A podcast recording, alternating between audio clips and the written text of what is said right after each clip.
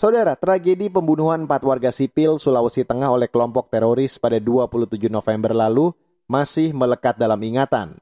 Peristiwa memilukan itu mencederai rasa kemanusiaan dan berpotensi merusak kerukunan. Berbagai kalangan yang menyerukan perdamaian dan aksi bela rasa. Simak laporan tim KBR yang akan dibacakan Valda Kustari ini. Banyak orang menganggap karena ini urusannya adalah konflik agama, mereka takut untuk masuk. Gus Durian justru malah terpanggil di situ. Pekan lalu, Ketua Gus Durian Peduli Aak Abdullah mengunjungi Desa Lemban Tongoa, Sigi, Sulawesi Tengah. Desa itu menjadi saksi tragedi pembunuhan terhadap empat warga sipil oleh kelompok teroris Mujahidin Indonesia Timur pimpinan Ali Kalora. Peristiwa sadis ini dikhawatirkan mencederai kerukunan beragama karena korban jiwa beragama Kristen, sementara kelompok Ali Kalora dikenal berafiliasi dengan ISIS. Kedatangan Aak dan tim Gus Durian ke desa Lemban Tongoa untuk melihat kondisi sebenarnya yang pertama untuk mengklarifikasi informasi yang beredar di luar. Karena memang dengan kondisi yang jauh itu kadang banyak orang yang cuma sekedar copy paste saja di dari bahwa opini yang muncul ini ada orang Kristen dibantai oleh orang Islam.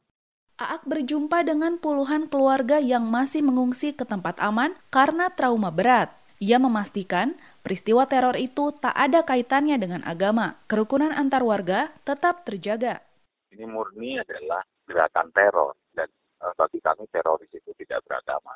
Maka kami minta kepada seluruh masyarakat untuk tidak mengkait-kaitkan kasus pembunuhan di sini dengan urusan agama. Mereka sangat rukun, mereka sangat akur, bahkan yang memakamkan empat orang yang meninggal itu adalah orang-orang muslim. Ada yang meninggal adalah Kristen. Dari delapan rumah yang dibakar itu tidak semuanya milik orang Kristen. Dua milik orang muslim. Jadi teroris sedang tidak ada urusan mau agamanya apa.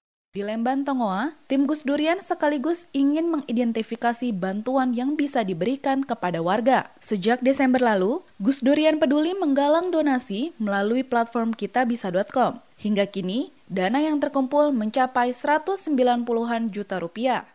Makanya kemungkinan besarnya Gus Durian akan pasang internet yang satelit di tiga titik di desa itu. Untuk uh, membantu pemulihan psikologi anak, kemungkinan besarnya kita akan bikin semacam balai belajar di Dusun Lewono itu di atas untuk anak-anak. Jadi ada internet di situ, ada ruang untuk bermain dan belajar.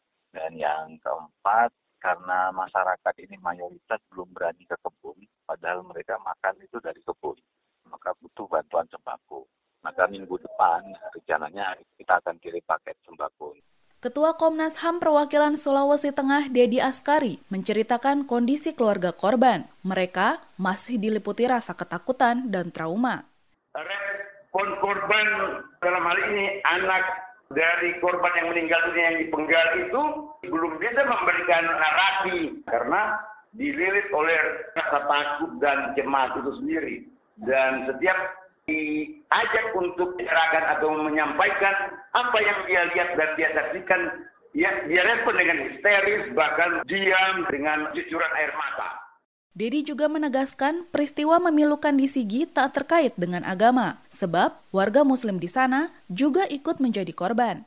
Sekali lagi Komnas HAM menegaskan bahwa itu sama sekali tidak terkait dengan isu suku, agama, ras, dan antar uh, golongan. Buktinya korbannya juga bukan hanya kalangan masyarakat yang beragama Kristen. Korban pembakaran rumah misalnya bahwa di rumah penduduk yang dijadikan pos pelayanan jemaat di samping pas pos pelayanan jemaat itu ada juga rumah muslim yang dibakar oleh pelaku.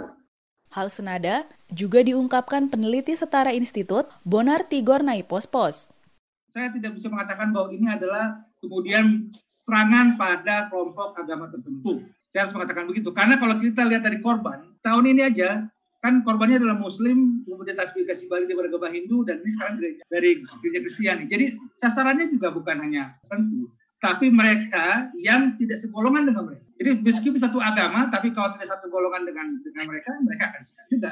Ya, jadi bagi mereka siapa pun yang menentang mereka, siapa pun yang tidak tidak mendukung mereka, mereka akan sikat. Bonar mendesak aparat yang tergabung dalam Satgas Tinombala menumpas kelompok teroris. Komnas HAM Perwakilan Sulawesi Tengah Dedi Askari juga menuntut komitmen aparat dan negara dalam menangani kasus ini. Menurutnya, peristiwa tersebut termasuk pelanggaran HAM dan mencederai rasa kemanusiaan.